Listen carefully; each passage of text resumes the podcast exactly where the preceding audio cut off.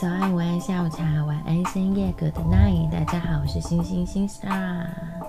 今天的节目呢是龙星大悦，这个节目的内容主要是在讲人生啊，我们的生活当中的美好，不能说是正能量爆棚的一个子节目，也不能说它专门是在讲呃美的冒泡的事情。就是比较是生命生活当中，嗯，偏向美好的，值得好好留下纪念回忆，或者是，总之，我觉得对我来讲，这个节目是跟大家分享，呃，我以外，呃，身边的人，或是我观察到的美好的，我称之为美好的那一面。那这一集呢？心就先丢一个题目让大家思考一下。我今天在这一集里面会讲一个一个观点，那我希望大家可以回去当做一个功课好了。好，因为我已经在 Instagram 上面发布了，所以我有收到一些粉丝的回馈，那我会把它变成下一集，就我丢出来这个概念，嗯，或是这个这个这个想法。大家的回应是什么？你们也可以在节目听完之后写信到宇宙信箱，或者是在 Instagram 上面呃私信我，告诉我。那嗯，除了今天这一集要谈的是一个我前几天在听 Podcast 呃得到的一个联想呃联想之外，嗯，在龙心大悦的这个节目里面。会，嗯，该怎么说呢？走心吗？就是或许我不会特别雀跃，或者要看我讲的内容，但我就想要像现在这样子缓缓的说话，好好的跟大家谈谈心好了。就是虽然名字是龙心大悦。听起来有些搞笑，可是其实我就把它当做是一个，呃，我在对你们谈心，然后你们倾听，等到你们有不管任何什么样的问题的时候，再透过方式联系到我，然后跟我有一些互动，我觉得那这样的子节目就会在整个 podcast 当中是一个。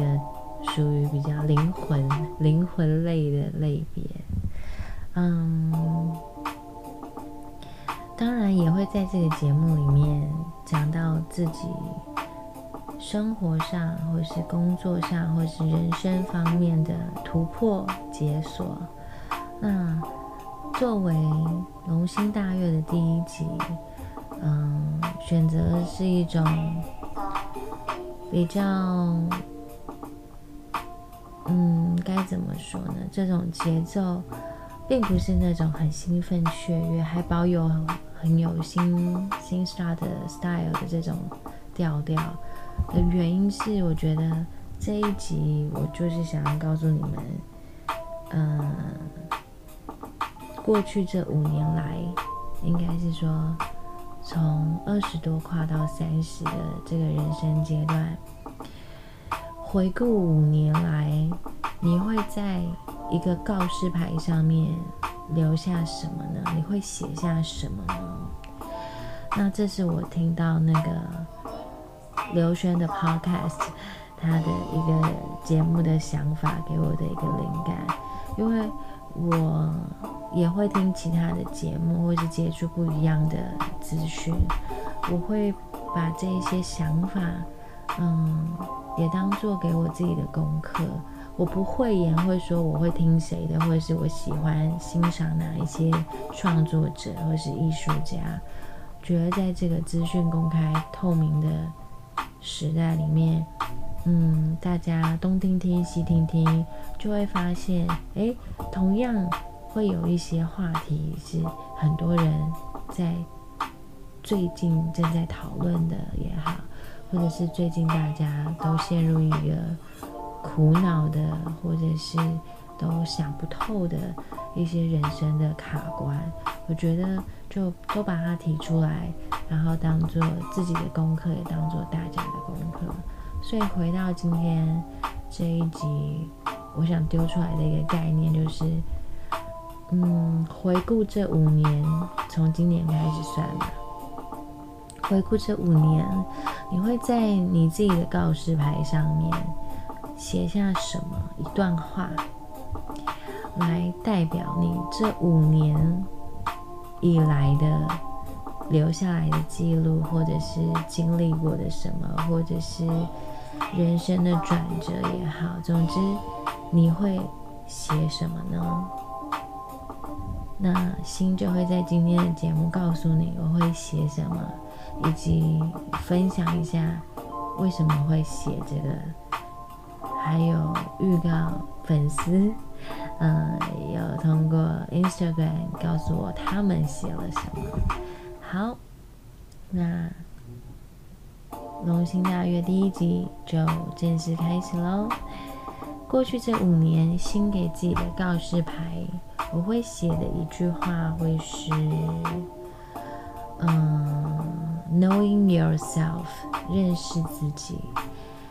因为在这五年，刚刚讲过，年纪是从二十多岁转到三十岁，一个很大的转捩点。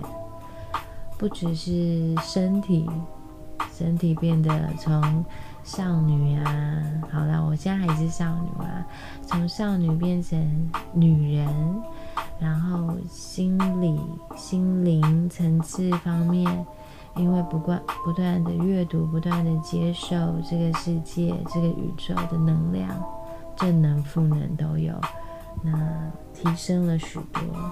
工作方面也更为专业，在我的业界也迈入了第十个年头。这样想来想去。也真的好像到了人生的某一个小山头这样子，一座山一座山一座山。那我会在这回顾五年给自己的一个告示牌上面写下 “Knowing yourself”，认识自己。大家知道这句话是出自于谁呢？这里就变成小知识加时间。就通常如果。呃，在龙心大悦当中，我们谈论了什么样的概念，或是 project 也可以，就是我们丢了什么样的一个计划，我们来让生活变得更好，也都 OK。那我就来小知识加补充一下，Knowing yourself 这句话是，呃，希腊的哲学家，大家知道。希腊有三哲嘛，对不对？苏格拉底、柏拉图跟亚里士多德，心喜欢哲学，所以如果我有分享到这类的，我就会小知识加补充哦。苏格拉底呢是希腊哲学家，也是史诗级的天才，他为西方的哲学建立了一个全新的范畴。无论是他的哲学的准则，以及他反诘式、反诘式就是辩论式的问答式的方式，还有他不断对人生、宇宙、对自然界的观点，都充满了各式各样的疑问跟智慧。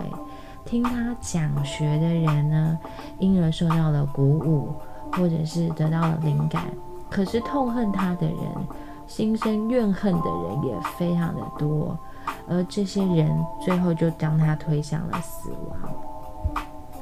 苏格拉底他出生在希腊雅典，在公元前四百七十年。他父亲跟母亲的从事的工作其实对他影响很深。父亲是雕刻匠，那母亲是助产师。那作为一个普通的雅典公民，他就接受了希腊的基础教育，也在从事了很多年的雕刻这样的工作之后，他下定决心，他要让他自己的一生奉献给哲学。在他结婚之后呢，他有三个小孩，可是他一个都不太关心，他反而热衷于呃启迪年轻们的智慧，就是常常在。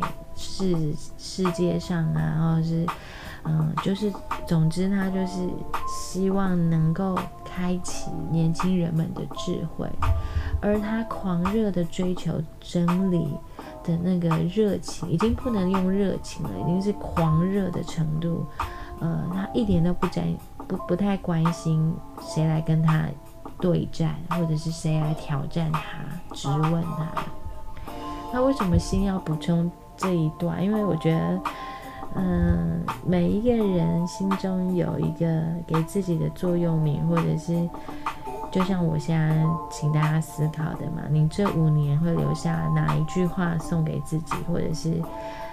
在告示牌你会写上哪一句话？一定有其原因，所以我选择 knowing yourself，认识自己是也有我的原因。因为我觉得苏格拉底的的性情跟他对于真理跟事情的探究本质，这个性情跟我颇像的。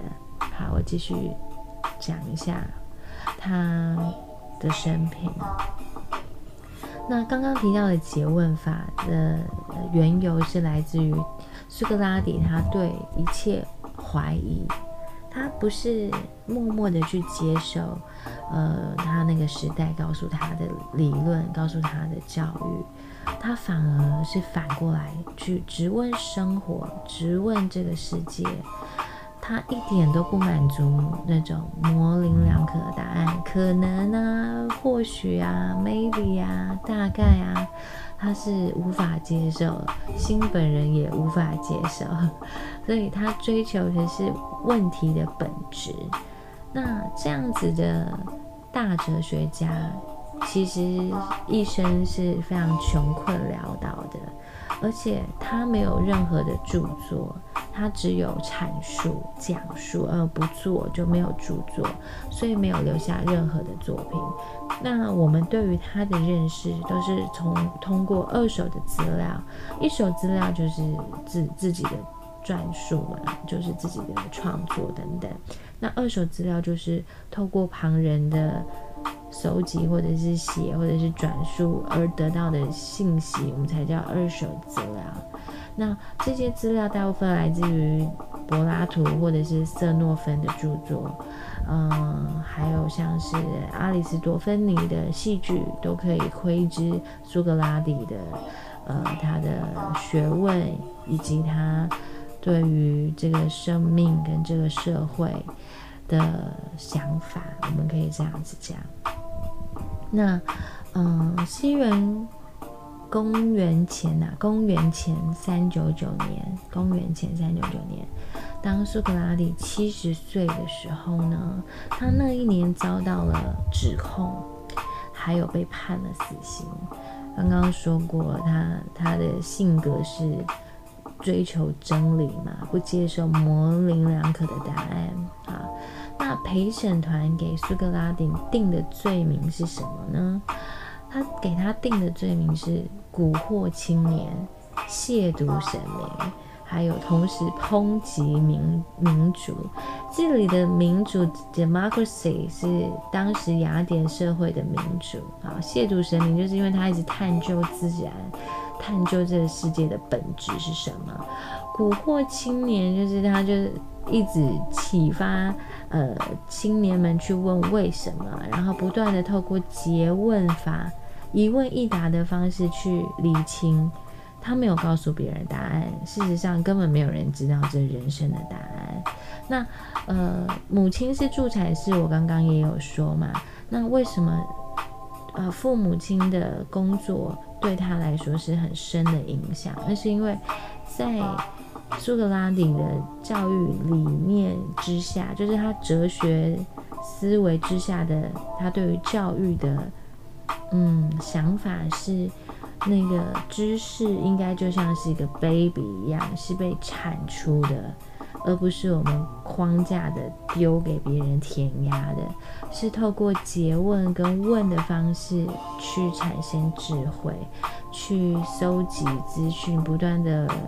反复的去理清而接近真理，所以一个人的思维，呃，往往在家庭教育跟生活当中奠定下了大部分的基础，而之后的嗯经验也好，或者是智慧人生的智慧累积也好，那都是随着年龄啊，随着职场啊，随着生活所遭遇到的高低起伏。而累积而成的嘛，所以这的确是很有趣的。无论是你现在身边是十几岁还是二十几岁的朋友，那或者是你是三十阶段的，还是四十，还是五十，就是你接触什么样的人，然后透过这些人的交织跟碰撞，也会带给你很多的启发嘛，对不对？好，那。回过来，我们来讲苏格拉底被定罪之后怎么办呢？控诉他的人认为啊，他在向青年人，因为蛊惑青年嘛，他就在向青年人介绍、引引引介他们什么叫做新的上帝，就是意思有点像是这个人苏格拉底这个人，你是不是在创一个什么邪教？你是不是在蛊惑青年去听你的话？而对整个社会的公共安全、治安，还有平衡，或者是我们建立起来的制度，或是我们的民主，嗯，有破坏之嫌疑。那苏格拉底他有三个小时的时间去陈述这些呃案件，就是抨击他的、要定他罪的案件，还有为自己辩护。那他选择。向陪审团有五百个成员去阐述自己的哲学论点、哲学观点。最后呢，他拒绝逃亡，然后选择喝一杯毒的芹菜的那个芹毒芹汁，就是将他一饮而尽，就从容赴死，就当场就死亡了。好，这是苏格拉底他的生平跟简单的故事。那回过头来勾上新刚刚提提提出来的一个概念跟问题，就是，嗯，我认为这五年我在嗯年纪的转换上、身份的转变上，还有心态的转变上，更加的认识自己。发现自己有很多的可能，呃，很多的面相，以及嗯，邪恶的、丑陋的啊，或者是呃，光明面的，或者是应该要给自己大大鼓励的，很有能力、很有自信的那一面，其实在这五年内、五年间啦，当然现在也一直都是在认识自己当中。嗯，看到了，也感受到自己的改变跟蜕变，所以 knowing yourself 认识自己也也就会是我想要写在呃这五年当中的告示牌。那听到节目听到这里，你呢？你有没有想到什么是可以为你自己留下的一段话呢？好。那先在这边稍微念一下几句这个伟大的哲学家、思想家苏格拉底的一些箴言好了。其实你们上网查都可以查到非常多，也有专门在介绍，嗯，对于社会影响很深远的东方、西方的哲学家。嗯，如果你对哲学有兴趣的话，都不妨可以找书来看，或者是你可以更新再分享你的想法，我会非常非常的开心，因为我也是一个很喜欢哲学的人。好，嗯，我来讲几句好了，因为我说 knowing yourself，对不对？就是认识自己。那真正的智慧啊，对苏格拉底来说。呃 the only true wisdom is in knowing you know nothing. 真正的智慧就是知道自己一无所知，know nothing，就是你在认识自己同时，你必须要知道自己是无知的，因为你知道自己无知，所以你对一切都会很渴求。啊，那这样子的中心思维思想就一直是在一直是在那个嗯苏格拉底的哲学的的的最大的架构啊啊，因为他他的最大的架构就是怀疑嘛，就是 wisdom begins in wonder，就是智慧是始于怀疑。凡是怀疑，你就会开始去思考，开始去思考，你就会去探究，开始去探究，你就会去想想怎么去突破，怎么去解决。那到底本质是什么？就是充满着问号的人生。那我们就不断的去破解。嗯，然后还有一句话，我觉得也很棒，就是做你想做的人。Be as you wish to seem，做你想要成为的人。当你认识完自己之后，就鼓起勇气，就直直的朝那一个真理吧。那个真理是不是这个世界的唯一？我觉得这个这个真理就是你知道你是谁，然后你了解了之后，你就去做你想成为的人。我觉得这是一个非常非常有力量的话，有力度的话。它不见得是很狂妄、很狂热的一段会让你沸腾的话，可是这一句话丢给你，就是一个很肯定的、很笃定。我必须用“笃定”这个词，很笃定的告诉你：“Be as you wish to seem，就做你想做的人吧。”那你要如何找到自我呢？你要如何认识自己？你必须得独立思考。这也是在新的生活当中一直都在练习的事情。就我每一天，呃，接受到新知，每一天都在思考，每一天都在问问题，每一天都在想，每一天都在说，每一天都在写。这些东西对我来讲就是我的呼吸，这些东西对我来讲就是我的养分。所以没有人能够充分理解我。也没有什么好觉得奇怪的，是不是？所以要找到真正的自我，to find yourself，think for yourself。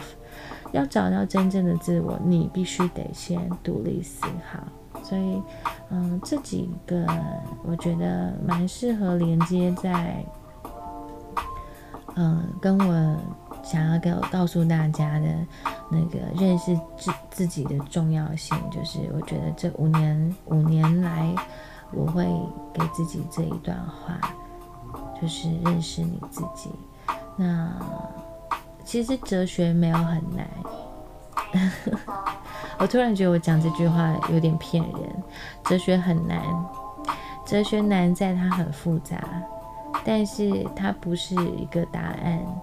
它是过程，呃，其实这样子复杂的过程，就很像是最近新上映的那一部片《灵魂急转弯》。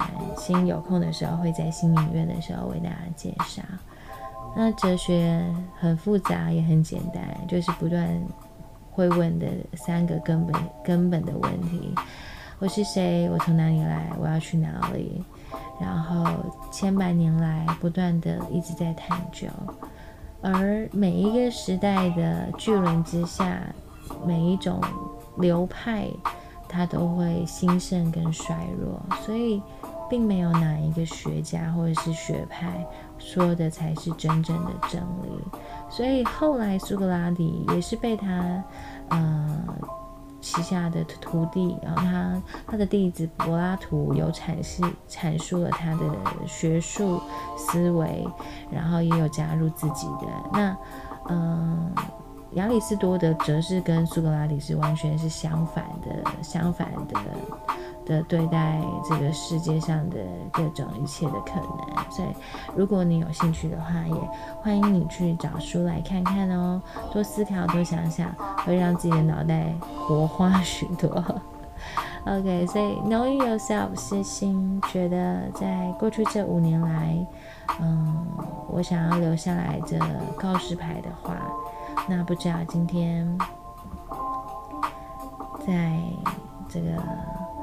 不管你是用什么管道，你可能是用，嗯，嗯，那叫什么网络，嗯，电脑啊，还是用手机呀，还是用很多的可以听到 podcast 的 app 听到这一集的节目，都希望你能够跟着心想一想。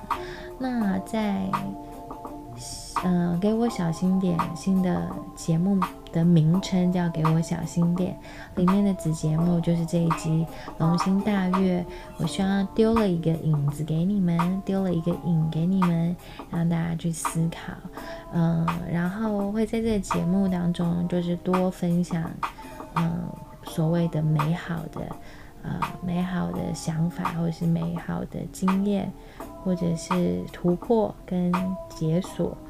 那也可能会提供一些，呃，嗯，该怎么讲？一些计划，我们生活当中可以实行看看的，实验看看看的计划，会不会真的能够让我们过得开心一点，活得开心一点呢？